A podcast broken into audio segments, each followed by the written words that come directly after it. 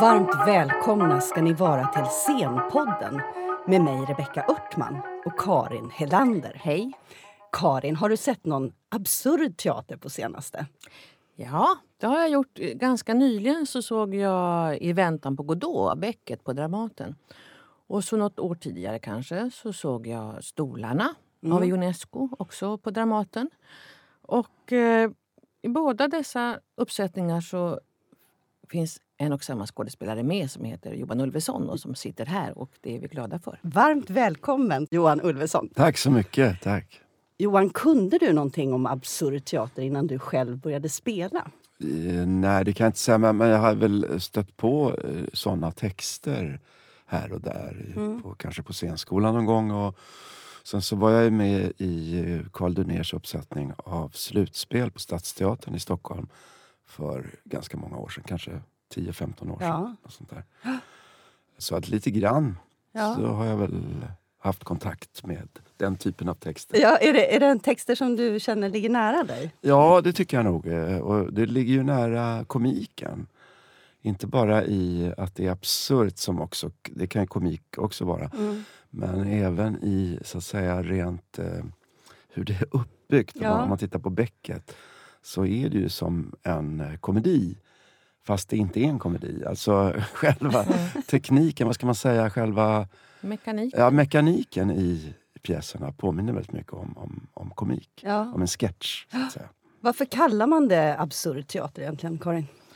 Ja, det är ett begrepp egentligen som, som är myntat av en engelsk eh, kritiker som heter Eslin och handlar om då den teater som skapades, den dramatik som skapades framförallt i Paris. Eh, på 50-talet började man. Och, och ska man ta fram två såna starka namn i den absurda dramatiken så är det ju just Samuel Beckett och Ionesco. Mm. Och eh, man kan säga att absurdismens starka decennium var ju 50-talet och sen en bit in på 60-talet. Men de spelas ju fortfarande och de betraktas ju ganska, ja, som klassiker nu. Men det tror jag man kan säga att eh, Beckets och Unescos pjäser blev ganska tidigt. Ganska snabbt ja. blev de liksom klassiker. Ja. Man kan ju fundera på vad som förenar dem. Jag tycker att I väntan på Godot, då, Beckets och Unesco-stolarna är bra exempel för att fundera på vad är det som är gemensamt och vad är det som skiljer. Eh, och så när man pratar om absurd teater så brukar man poängtera att det är efterkrigstidens liksom, dramatik. Att Europa var ju liksom, i upplösning. Det var mm. ju liksom en galen värld, en absurd värld. Mm. Och en slags meningslöshet och tomhet som präglar eh, världen och den absurda dramatiken. Och att det handlar mycket om meningslöshet, eh, tomhet och stora existentiella frågor. Och det låter ju inte så muntert då, men det blir ju då ganska muntert eftersom, precis som Johan säger, att man använder sig av mycket alltså farsens och komikens mekanik och lagar och eh, knep. Ja. Och sen är det mycket som skiljer Unesco Beck och det kan vi komma in på senare. Mm. Men, ja. men det är väl grunden, tänker jag. Ja. Vad tänker du? Jo, jag tror det. Och eh, sen tycker jag Beckett har ju en väldig känsla för komik och timing. Så att det, alltså det, är väldigt, det är verkligen skrivet eh, så att det blir kul. Utan att egentligen bli skrattigt kul, men, men eh, det blir just absurt. Mm. Och väldigt, eh, på, alltså väldigt allvarligt. Mm. Alltså det är inte ute, det, det, han är inte ute efter att vara rolig. Han är ute efter att beskriva någonting och det blir roligt. Mm. Det finns en sån... Alltså, framförallt hos Beckett så så finns det liksom inget, eh, vad ska man kalla det för? Ja, det finns inget fjäsk, inget inställsamt, inget eh, effektsökeri. Mm. Eh, ingen sentimentalitet, det är väldigt rent. Så säger man att just med I väntan på Godot så brukar den beskrivas som en pjäs där det inte händer någonting två gånger. Och det är ju på ett sätt en ett kärnfull beskrivning men det händer ju Spännande. väldigt mycket samtidigt. Jag menar, ni ni jobbar ju på får man ju säga. Ja, jo, men precis. Berätta lite om karaktärerna. Vilka, vad är det för typer? Ja, de två eh, första karaktärerna man möter det är ju Vladimir och Estragon. Och man kan väl säga att eh, Estragon är man, vet ju inte vad som har hänt innan, alltså, mm. vare sig som publik eller som skådespelare egentligen. Mm. Så vet man någonting om förhistorien. Utan, eh, vi kommer in i historien när eh, Estragon sitter på en sten och är väldigt passiv och eh, möjligtvis deprimerad. och, och då så dyker Vladimir upp och, och, är glad att se honom igen och, och försöker få igång honom. och, och på alla sätt liksom hitta, en, hitta någonting som skulle som ska sätta igång mm. honom. Och, och, det gör han också. Han vet liksom vilka knappar han ska trycka på. Ja. Och sen är de igång ja. Eh, med någonting som de är ganska osäkra på själva vad det är. och även publiken naturligtvis är ju osäker på det. Eh, men Vladimir hävdar ju hela tiden att, att de väntar på någon som heter Godot. Och att därför måste de stanna, de kan inte ge sig iväg. Nej. Men medan de väntar så är Vladimir väldigt angelägen om att de ska hålla sig igång, att de ska göra någonting. Ja. De måste hela tiden hitta på. Och, och, men han är inte så bra själv på att hitta på, men han försöker få Estragon att hitta på. det. Alltså det är väldigt likt eh, mycket i våra liv, kan man säga. Enkelt, ja. eh, en enkel parallell. Ja. Att vi, vi sysslar med väldigt mycket meningslösheter för att få tiden att gå. Och i vår, i vår tid nu, ännu mer kanske än någonsin. Fast vi har inte den här Alltså vi väntar inte längre för vi har våra mobiler. Ja. Det, det, är något som man tänker på ja. väldigt mycket ja. när man repeterar i väntan på Godot. Mm. Hade vi haft mobilerna så hade vi tagit upp dem. Ja. Eh, alltså, Fast det går inte att tänka det, men, men ja, ni fattar vad jag menar. Men, men, det är ju också en, någon slags meningslös eh, sysselsättning medan man väntar. På vad då? Ja, kan man fråga sig. På att Men, livet ska gå på något du, sätt. Och du spelar Vladimir. Eh, jag spelar Vladimir, ja. Mm. Och Jonas Karlsson. Jag spelar Estragon. Och jag tänker att det måste vara väldigt viktigt med den kemi som också finns och ja. ert samspel. För det, det bygger ju mycket på det. Ja. Mm. Jo, det, det, det, alltså, det är klart att det är konstigt med teater. Man kan ju man kan ju ha ganska bra samarbete med människor som man, som man inte kommer överens med, ja. konstigt nog. Alltså det kan fungera, ja. men här tror jag det skulle vara svårt. Mm. Jag tror nästan att det förutsätter att man har någon slags eh, relation som, som funkar. Som svänger lite. Ja, som svänger. ja det är lite som jazz också. Jag tänker att det finns någon slags gemensam rytm. Eller gemensam... Man måste vara i lite samma eh, tempo också. Det, det, det är ju som med skådespelare att och det har inte att göra med om man är så att säga bra eller dålig eller sådär. Men alltså man har olika fart, olika tempo. Och, och, det där är kanske bland det svåraste att ändra på hos en skådespelare. Mm. Framförallt att få en långsam skådespelare att spela snabbt. Det är eh, nästintill omöjligt. Tvärtom är det lite lättare att, att bromsa ner någon. Men det kan vara väldigt svårt det också. Ja. Det är som man går med någon som, som går fortare eller långsammare än vad man gör själv. Alltså det är faktiskt ja. svårt att ändra ja. de där grund... Elementen ja, det, det, det, är Så att det, är, det är nog väldigt bra att ha någon slags gemenskap där. Vilket jag tycker att, att vi har. Ja. Men sen tänkte jag det här med alltså komiken och så, just med Godot. Eh, så talar man ofta om det och det gör ju ni också. att det finns mycket, eller Man ser det hos er också. Det finns också en... Alltså Becket bygger på någon slags slapstick vaudeville-tradition. Ja. Det finns något lite... Ja, det gör det definitivt. Hela och halvan där. Ja, hur, ja. Hur jobbar ni med det? Ja, men alltså, det, dels så kom, alltså, vi har ju jobbat med, vi har ju tittat på hela och halvan. Och inte för att vi skulle vara som dem, men för att, just för att titta på mekaniken. Och, och det, de har ju en, ett sätt att spela hela och halvan som jag tycker man kan använda egentligen i all teater, men som är extra tydlig i absurd teater. Och det är att eh, man gör liksom drag för drag, som, som när man spelar schack. Mm. Att man håller inte på och flyttar medan den andra flyttar. Mm. Utan man avvaktar. Man tittar på den andras drag och sen svarar man på det draget. Och det, jag tycker alltid egentligen mm. att det är ett bra sätt att jobba. Mm. Och ett, framförallt ett bra sätt att repetera. Så att man liksom lämnar varandra I utrymme. Fred. Ja, i fred. Ja. Och. Då, man får ett utrymme. För om, om någon hela tiden håller på att flytta sina pjäser Alltså då ser man inte vad, vad, vad, man ser inte vad den mm. andra gör och man, man vet inte riktigt vad man själv gör heller. Mm. Men här är det liksom tydligt, din tur, ja. min tur. Alltså ni vet när mm. ja. alltså, Helan lägger en, lägger en paj i ansiktet på halvan. Mm. Då håller inte han på att reagera på det Nej. förrän allting Innan. är klart. Nej, han står helt stilla, ja, och pajen, väntar, pajen, väntar. och så väntar han. Är det klart nu? Nu är det klart. Och sen kan han liksom börja ta bort ja. pajen ur ja. ansiktet och ta upp en egen paj mm. och sen lägga den i, i ansiktet på, ja. på hela. Så det, den tekniken har vi tänkt på mm. när vi har jobbat. Väldigt fysisk eh, Det är väldigt fysiskt. Upplevelse då. Och, det är, och, mm. och det är ju det är ju Beckett också, väldigt mm. fysisk. Mm. Alltså det är väldigt, alla har ju alla har ju någon funktionsnedsättning. Mm. Alltså, eller något problem. Mm. Vladimir har, har ju si- sin prostata och eh, Estragon har sin fot.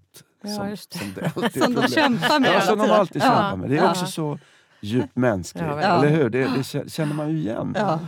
Som, som begränsar en att, på något sätt.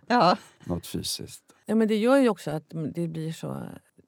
Alltså, det här med människans mänskliga villkor blir väldigt tydligt när man sitter i publiken. Att man just känner sig delaktig. Men jag tänker att du, där tycker jag att du har en extra dimension som jag tänkte fråga dig om. Eh, och det tycker jag man ser både här och i stolarna. Att det blir...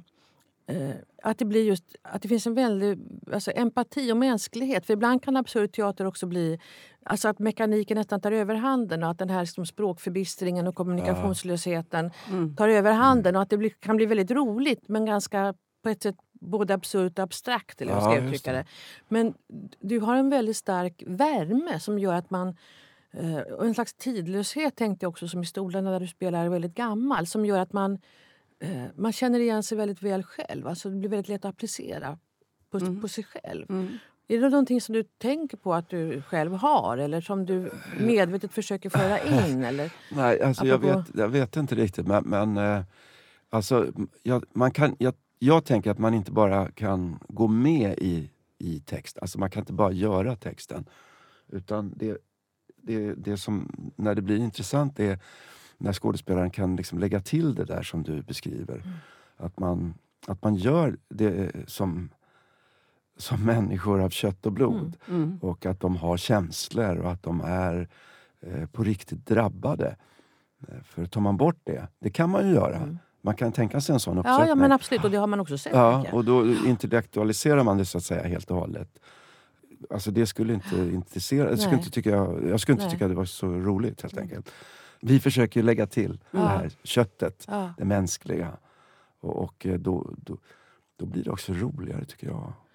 Jag tänker också, vad, vad kommer den ur för tid då? Om man grottar sig lite mer i det här historiska absurda. Ja, alltså, det kom det? ju efter alltså, efterkrigstidens eh, existentialism. Och, För det var väl eh, en hel grupp där som, som Ja, det, det fanns ju flera, men det är ändå så att Beckett, Ionesco är de stora. Sen kan man prata med Gené eller Pinter eller sådär. Ja, det var många Men, eh, gubb, gubbar helt enkelt. Ja, det var Ja, det, absolut. gubbar, ja. Det är bara gubbar, va? Eller? Ja, Ja. Jag, jag eh, försökte läsa om det fanns någon Nej, det, Kvinna i- nej jag vet inte faktiskt. I gruppen där. Men... Vad heter hon? Jelinek eh, är väl en efter... Alltså, Ja, det kan hon har väl säga. inslag av... Ja. Ja, absolut. Detta. Men där är ju precis.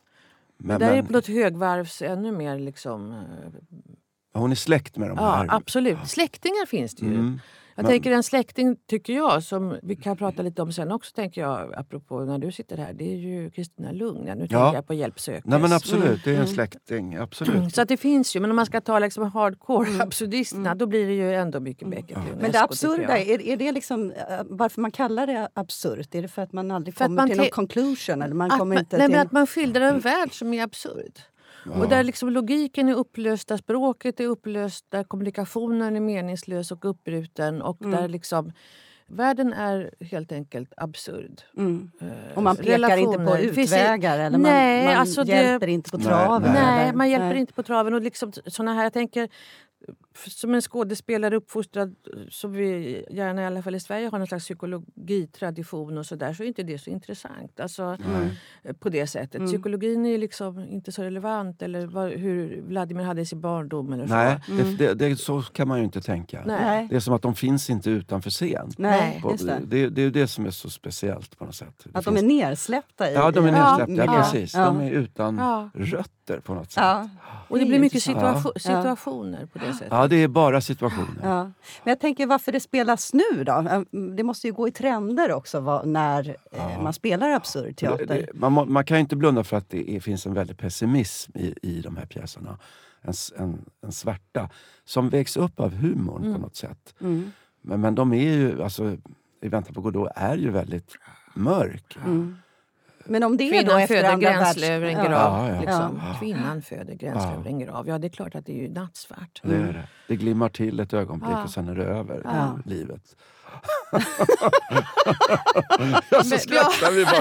Varför skrattar vi åt det? Ja. Ja, men för att det, Ja, men man alltså- skrattar för att det är sant. Ja, men det är det. det, tror jag Ja, man gör. orkar liksom, Ja. För att ta till sig insikten så får man... för men att då orka är det- överleva får man ja. liksom skratta lite då. Men om det då är andra världskriget och liksom Ja. Europa är sönderslaget på alla sätt. Men det är väl en ganska känslor- besvärlig tid vi lever i nu också, eller hur? Alltså världen är ju Ja. ganska galen nu Ja. också som det ser ut. Mm. Med liksom världsledare, man behöver inte ens nämna namn, som är Ja, Ja. Mm. som gör att världen blir osäker och galen. Och vi har liksom reella hot för mänskligheten som folk stoppar huvudet i byrålådan för att inte se. Nej men alltså världen är Ja, galen nu. verkligen. Nej, men man skulle nog kunna spela in liksom ett möte i, i Vita huset eh, och, och Ja. spela det som absurd teater. Ja. Alltså, Mm. Där finns ju också den här bristen på rötter och eh, liksom, Mm. Ja, att inte kunna se sammanhang och att inte se historien. Alltså, Mm. för oss forskare, bara detta med alternativa fakta är ju helt absurt. ja, Att när, Ja. när man inte tycker forskningen passar galoscherna säger man att vi, har, eh, vi tycker någonting som visar att det är alternativa fakta. Bara det är ju helt absurt. ja. Ja. Så att, Allt eh, väger lika ja. mycket så att säga. En, en, en bloggare eller Ja, en eh, ja, forskare. Ja. Ja. Jag har forskat i det här nu i åtta år, så nu har jag ett resultat. Jag tycker du det, jag tycker så här. Ja, mm. Ja, Så att det. nej men alltså, visst är världen galen i Ja. mycket. Så att det är inte så konstigt Nej. tycker jag, Att man just intresserar nu... sig för... Nej. Samtidigt så finns det ju en klassikerstatus. Man har ju spelat liksom, Jo, de jo, här stora eh, man. i Godot. Mm. Men de Godot, känns så. på något sätt aktuella. igen. Ja, det gör de. Men på, på 70-talet under vänstervindarna så att säga, då ansågs de vara för pessimistiska. Ja. Mhm. De, titt, de pekade inte framåt mot arbetarklassens Nej. Befrielse utan de pekade något annat. Ja, alltså, ja. De, de pekade ingenstans. Så att säga. Nej. Och jag tänker just en sån dramatiker som Ionesco då. Han var ju, eh, till skillnad, Beckett själv, jag har med mig programmet från Godot. eh, Och apropå vad, vad, vad det handlar om då. Så säger Beckett, man har ju inte så mycket hjälp av Beckett själv. Nej. Så tittar man bara i programmet så skriver han, så har man citerat honom då. Jag har inga teateridéer, säger Beckett. Jag vet ingenting om teater. Jag går inte på teater. Jag vet inte mer om pjäsen än vem som helst som förmår att läsa den uppmärksamt. Jag vet inte mer om rollerna än vad de säger, vad de gör, vad som händer med dem. Och hur de ska se ut. Jag har säga det lilla jag anar, plommonstopen till exempel. Jag vet inte vem Godot är. Jag vet inte ens om han finns. Och jag vet inte om de tror att han gör det, de två som väntar på honom. Så man får ju inte mycket hjälp Nej. av... Men så, så, så det har ju, alltså, vi har ju tänkt precis så. Ja, Att det är vår utgångspunkt, att vi inte vet. Och att vi inte kan berätta hur det ligger till.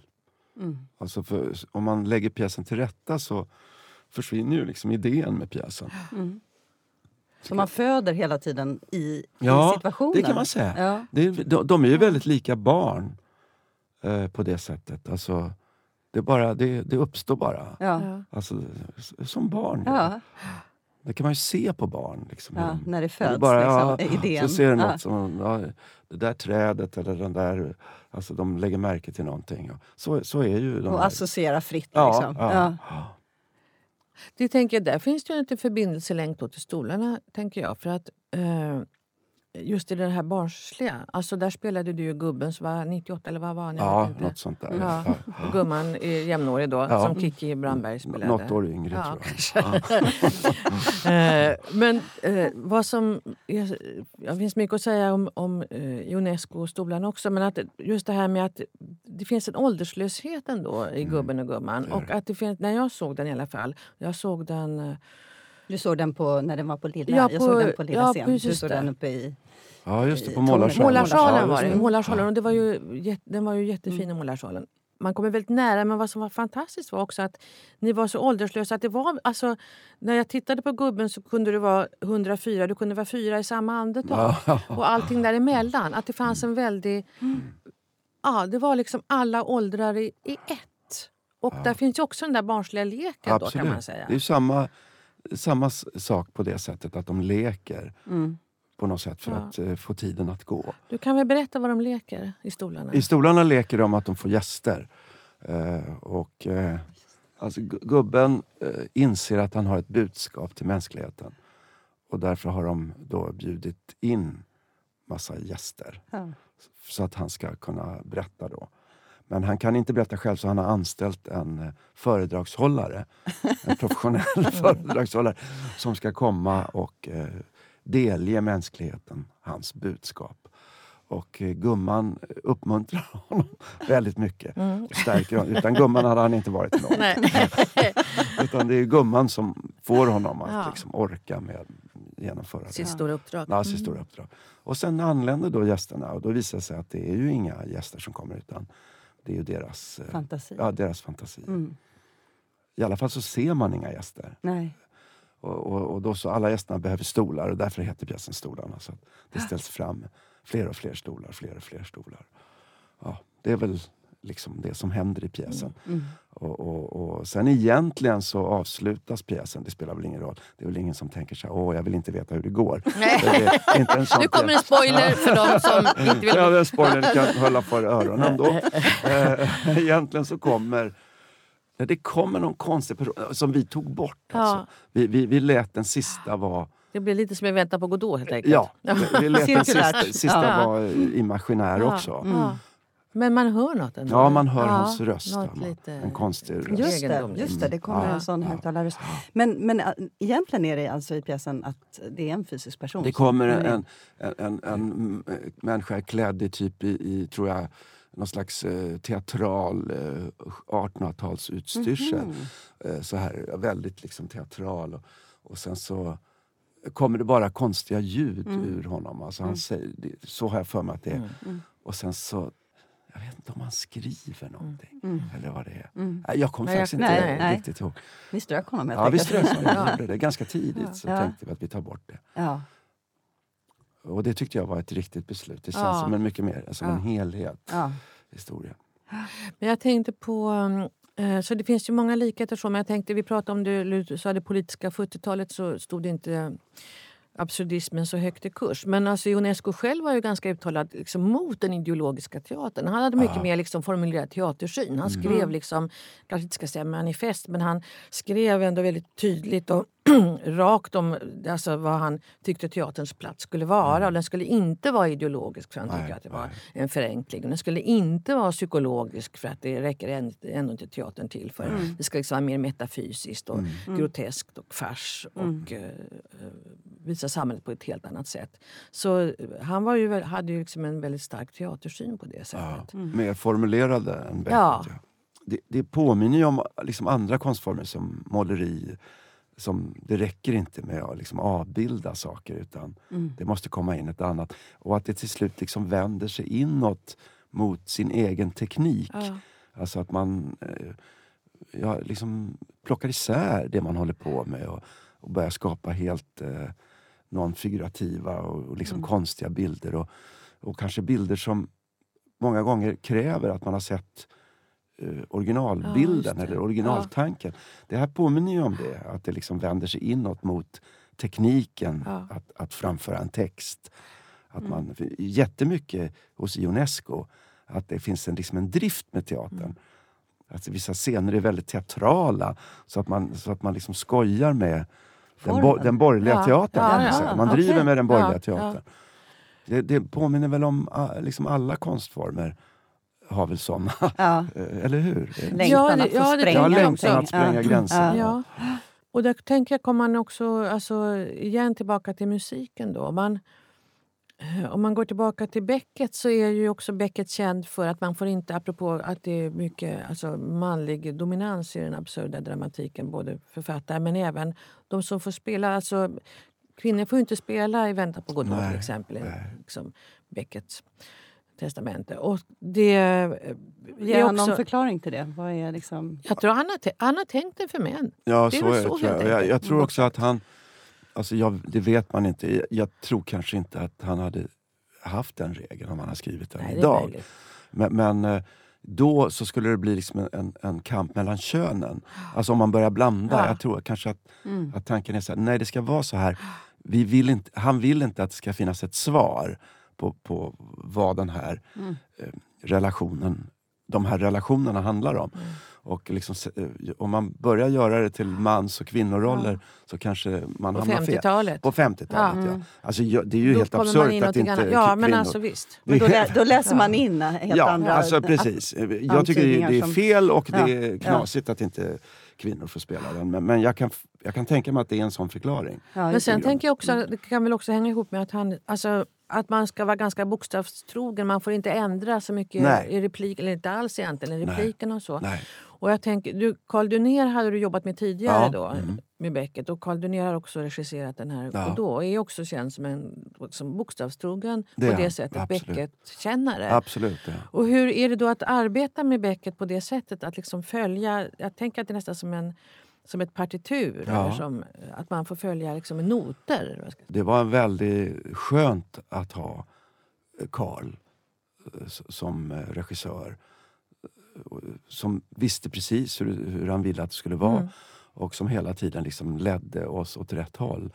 Men vi har haft väldigt kul. Alltså, Mm. Vi har ju skrattat väldigt mycket och, och, och lekt och, och, och skojat. Så det har inte på något sätt varit, varit liksom ett allvarligt arbete eller liksom tråkigt Mm. utan det har varit väldigt roligt och, och lustfyllt. Mm. Och jag tycker jag, det var ju länge sedan jag jobbade med Carl senast. Eh, Jag, jag tyckte det var roligt eh, förra gången också men, men han har ju blivit liksom Mm. friare Mm. i, i relationen Vi blir ju det med Ja, åren. men man blir ju det. Alltså, och då, då, då Ja. pratar jag om nyanser men, Ja. men det gör ändå en viss skillnad. Ja, ja. Jag tänker också den här, alltså att man följer partituret då, eller följer texten så noga. Jag tycker det är intressant också med tanke på att Beckett då själv inte ger någon minsta facit och, och det liksom inte finns något facit. Men hur många timmar i den sammanlagda mänsklighetens liv, forskare och litteraturforskare, och teaterforskare och publik som har suttit och tolkat och tänkt vem är Godot Mm. och varför kommer det inte? Och är det Gud eller är det någonting annat? Och vad är det för någonting? Det är också en intressant sak. tänker jag. Att den här bokstavstroheten gör ju också det att man inte riktigt kan fussa någon specialtolkning på traven. Nej, nej, Utan man får liksom, det är så här det är skrivet. Varsågod. Ja, Up to you. absolut. Mm. Jag tycker det också. Det, det finns något väldigt fint med det tycker jag. Mm. Och sen kan man ju skriva vidare om man vill eh, liksom tolka det här. Då kan man ju ta det vidare. Det finns ju ekon av I väntan Mm. på Godot i massa Ja. Mm. efterföljares texter. Ja. Hur är publiken då? Hur, hur med är de i de här Jag tycker de är väldigt med. texterna? Eh, Det, det, det är väldigt olika och det, det trodde vi också att det skulle vara så. Det är olika från kväll till kväll. Hur mycket liksom Mm. folk, om det är mycket skratt eller om det inte är några skratt. Det kan variera väldigt mycket. Mm. Framförallt första akten. Andra akten, då, då är det väldigt mycket skratt. Mm. Då orkar man inte längre. Nej, nej, men jag tror det. De, de, de orkar inte. Men sen det här det manliga och kvinnliga och relationer och, och så. Jag tänker med, med stolarna är det ju ändå så att gubben och gumman blir också ganska igenkännbara liksom, i sitt långvariga äktenskap. Ja. Nej, men alltså i den relationen Ja, får man ju säga. ja, tycker jag. Le, lekte ni och skojade mycket? Det var Tobias Theorell som Ja. var regissör då. Jo, ehm, där var vi väl inte lika... Det känns inte heller att det är, det är inte en sån pjäs som är lika mycket ett partitur som du Nej. säger, som, som Mm. i väntan på Godot. Utan eh, den eh, är mer öppen för hur, hur ska det göras. Ja. Ja. Eh, Den måste liksom, man måste, ta, man måste välja saker. Mm. Och, det, det, det går inte bara att spela den rakt av. Men sen spelar ni inte bara mot varandra, för ni spelar ju också mot alla de här imaginära Ja, gästerna. Och ja. man får ju väldigt kläm, som publik får man ju väldigt Ja. kläm på dem. Ja. Det var faktiskt svårt. Ja. För, för man, man, man blir lite... Ja det, ja, det känns lite... Man vill vara konsekvent. Man vill liksom inte att det ska svaja hit och dit med, med riktningar och sådär. Nej, just det. Mm. Så det, det, det var, det var Något ganska... barn och någon eh, Ja, skröplig och någon ska se, precis. och alla ska Mm. sitta på stolar. Alla ska och, sitta på rätt stol Ja. Mm. och, och sådär. Och det kanske inte egentligen var så viktigt men för oss så kändes det väldigt viktigt med Mm. logiken i det. Mm. Fick ni jobba mycket torrt med det? Alltså, nu tittar vi, Ja. han är 1,50 Mm. och ja. Ja. Och sen efter ett tag så, så, så kanske det, det liksom lättades upp. Ja. Att, Mm. att det blev Ja. ungefär, men tänkte jag, fan de, de vet väl inte så. Jävla noga om de har pose eller hatt eller... ja, men den texten var väldigt eh, svår faktiskt att lära sig. Mm. Är den repetitiv? Ja, är den- mycket cir- ja. precis. Den går i cirklar och Ja. det går om och det är lätt att hamna fel. Och det är ju i Godot också. Ja. Men, men den är, jag tyckte nog stolarna var kanske ännu svårare Ja. att slå i sig. Och också kanske att den är, alltså, inte svajig, men den är lite svajigare. Alltså, Bäcket är så otroligt precis så att då blir man det själv. Mm. Mm. Det här Ja, imaginära, men det förstår jag. Är, det, är det också någonting som finns i det absurda? Att man, har, man föreställer sig eller att eh, man väntar eller man längtar efter något som man inte fullt beskriver ut? Eller? Alltså, det- men herregud, när du låter så där låter jag, tänker jag på Tjechov. Så att det, ja. Det kanske finns i all teater. Ja. Ja. Ja. Ja. Svårt att svara på. Men jag tänker Ja. på det, alltså det här lek, det, alltså jag älskar den här lekfullheten som var i stolarna. Det var ju väldigt mycket skratt i salongen. Alltså Ja, det var ju ja. väldigt roligt. Och samtidigt så var det ju... Jag såg den en period när jag hade varit med om en rätt konstig sak. Och då föreföll mig liksom, stolarna inte ett dugg absurd. Det här är en helt ytterst realistisk bild av verkligheten. Jag förstår precis. Ja, så att det finns ju någonting sådär urmänskligt Ja, men det gör i det. det Absolut, också. det gör det. Jag tänkte på det här vi pratade om tidigare om att det kan bli kallt och, och intellektuellt. Ja. Både stolarna och I väntan på Godot, alltså det det är ju väldigt mycket känslor Ja, det är det. hela tiden. Alltså känslor av övergivenhet, Mm. av att eh, eh, liksom den här relationen, att man inte har fått det man vill ha i relationen. Och, och det är ju igenkännbart. Så den är ju inte, de är ju inte intellektuella Nej. eller kyliga på det sättet. För de är ju, det är väldigt mycket starka känslor. Men Mm. du, tror du att det kan ha... För, alltså, eh, då måste det laddas med någon liksom ganska akut mänsklighet just i den situationen som man Ja. är. Tror du att du har haft någon nytta av alla... Du har ju gjort så mycket liksom, Laurie-sketcher och så mycket sketcher som också handlar om att fånga situationen, karaktär, Ja. liksom blixtsnabbt. Har du haft nytta av det? Ja, men det kan nog vara så tror jag, att man som så att säga, nu har inte jag spelat så mycket revy, men, men det är ju sketcher är ju någon slags revy. Alltså att man, man har väldigt kort Ja, startsträcka. ja. Man har bara tre, fyra minuter på sig att berätta historien. Ja. Och då måste man börja Ja. direkt Ja. och sätta förutsättningar. Ja. Det, det är mycket möjligt. Jag har inte tänkt så mycket på det. Men Nej, det jag kan nog- att tänka på det nu ja, när det du kan nog verkligen det. det kan vara så. Det, absolut. Mm. Och just att man inte har de här långa psykologiska... Nu måste jag gå in i den och det Nej. tar lite tid förstår ni, men vänta bara ska ni få se vad Kommer som något kommer ut. Man, hi- det hinner Nej, det hinner man inte. Utan det är liksom pang Ja. på. Bara. Som egentligen som det är i, i det verkliga livet så kan du ju tända till Mm. direkt. Man, Ja, man har ju inte visst. så långa startsträckor.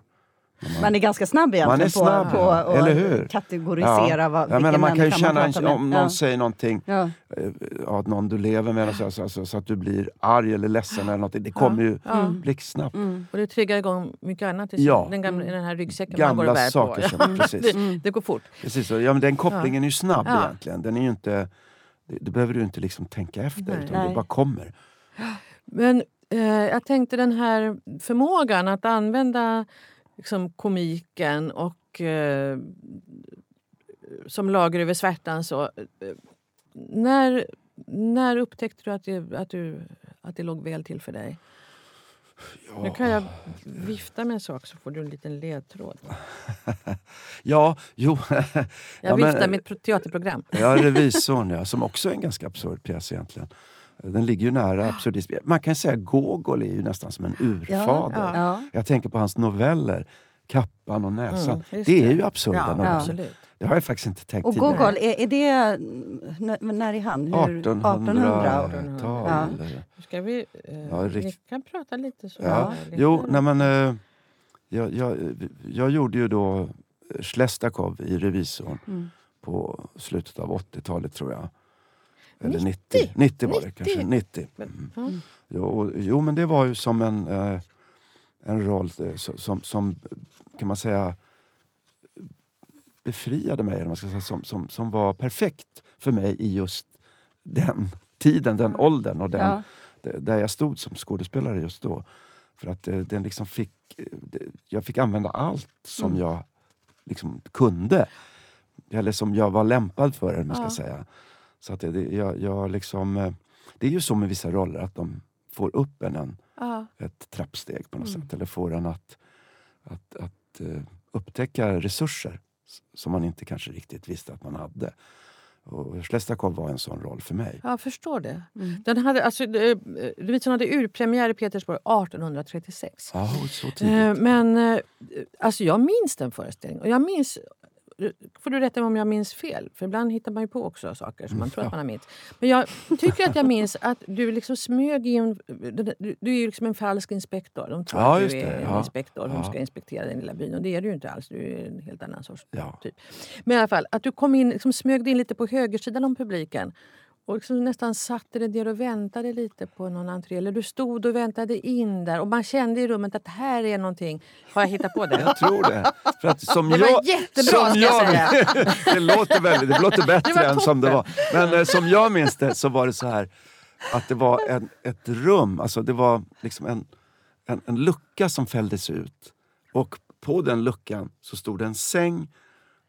Alltså det var ett helt hotellrum på den luckan. Ja. ett väldigt enkelt hotell. Så att det var liksom att den fälldes ut, bank!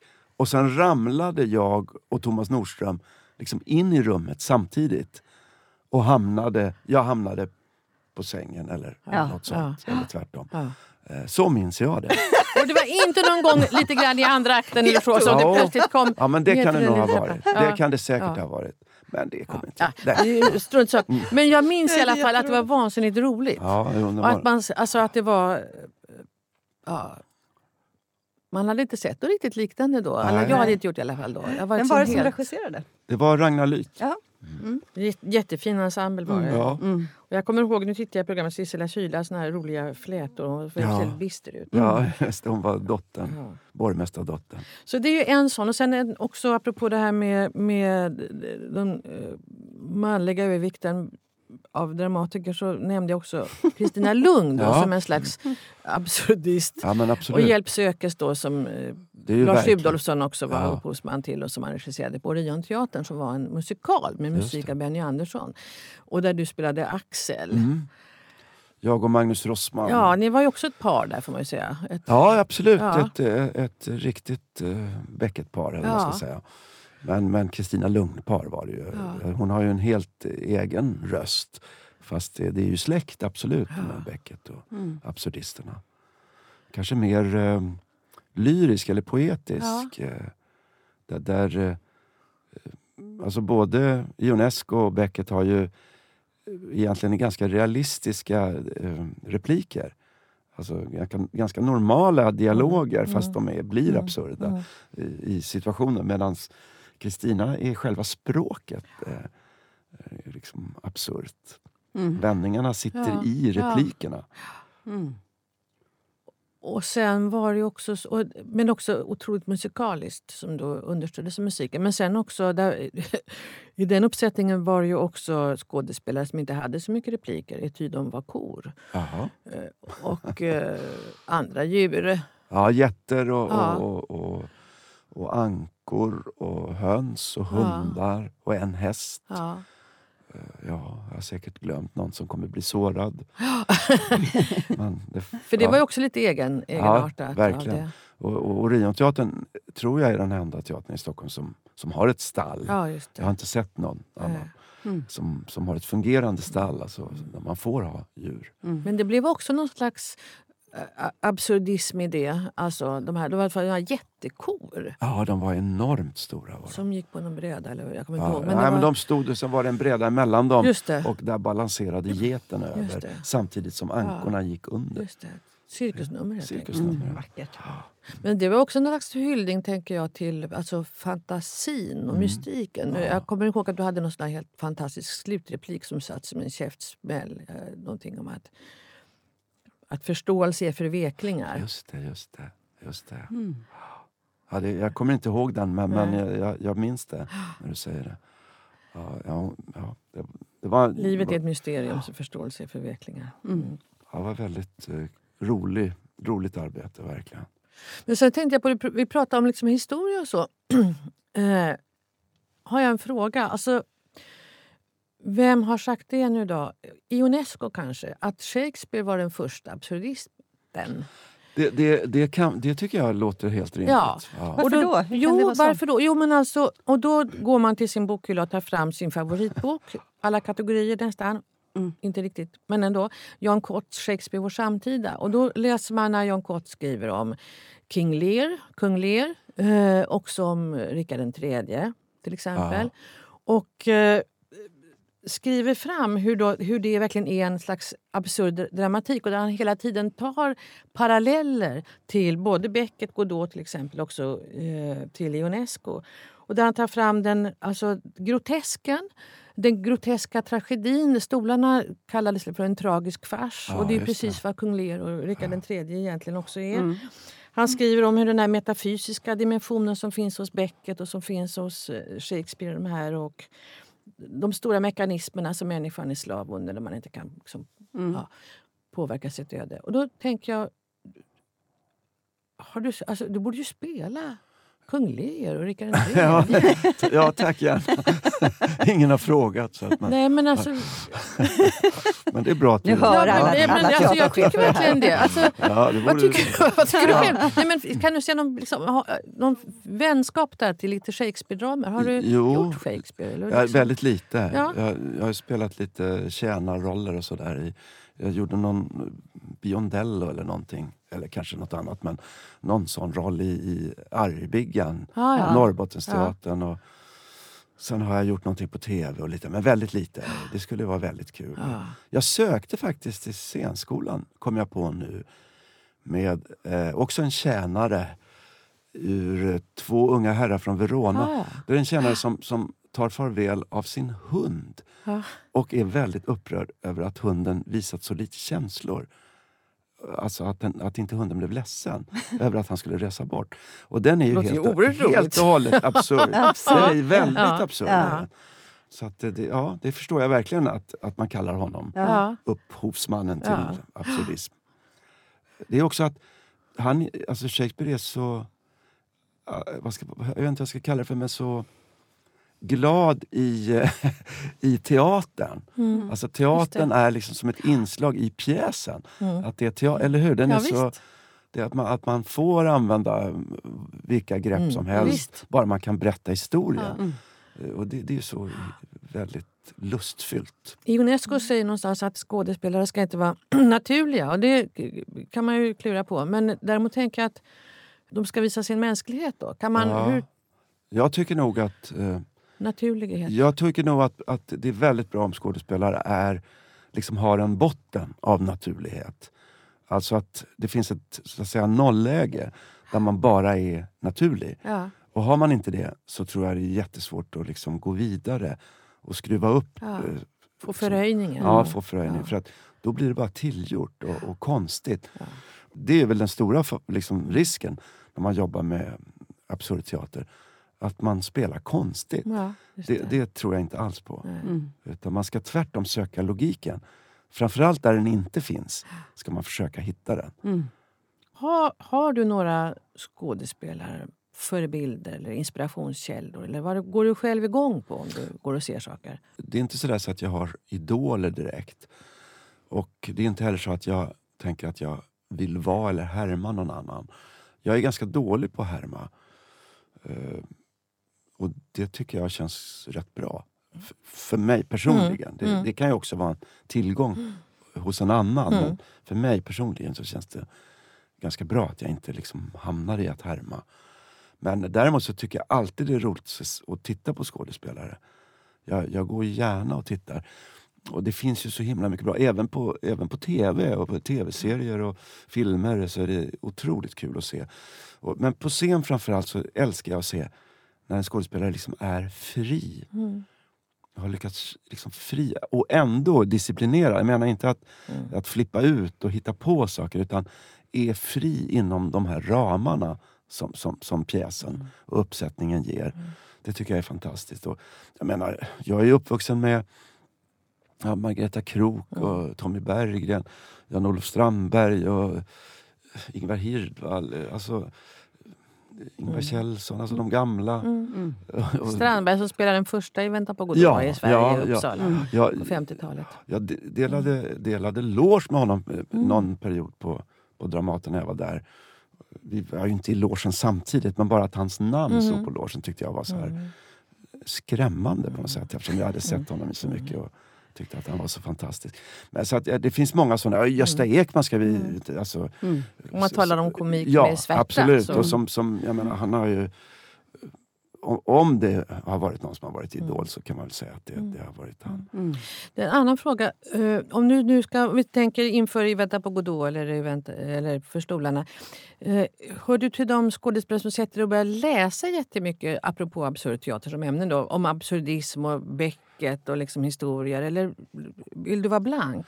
Nej, alltså jag, jag, jag kan gärna läsa. Men det är inte så att jag känner att det här måste jag göra för att kunna göra det här. Nej. Utan för mig är det texten. Mm. Alltså jag kan gå direkt på texten. Och jag tycker också att det kan vara väldigt jobbigt att, att jobba med regissör när man känner att regissören inte alltså inte förstår texten mm. på samma mm. sätt ja. som jag tycker ja. att jag förstår texten. Uh, och, och, det är väldigt härligt om man har det gemensamt. Mm. Att man har den tryggheten. Att uh, arbetsledaren förstår vad ska du göra nu härnäst? Uh, nu när, härnäst ska jag uh, vara med i Röde Orm på Dramaten. Som, Alexander... Röde Orm? Röde Orm. Franske Fran Bengtsson? Franske Bengtsson. Röde, hur spelar man den? Ja du, det är en gåta. Ja. det får vi se. Jag har ingen aning Ja. faktiskt. Jag, jag vet ingenting. det är stora scenen och vi ska sätta igång snart. Men vi har inget manus än. Det får vi väl kanske i veckan tror jag. ja. Och vem regisserar? Alexander Mörk Eidem. Mm.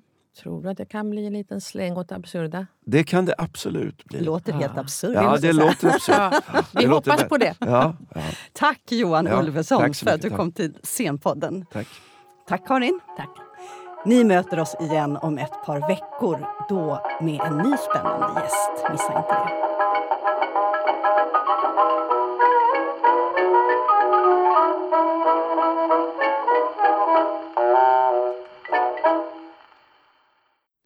Du har lyssnat på Scenpodden, en podcast från Rats Teater och Humanistiska fakulteten vid Stockholms universitet. Podden spelas in på Språkstudion och tekniker är Henrik Nordgren.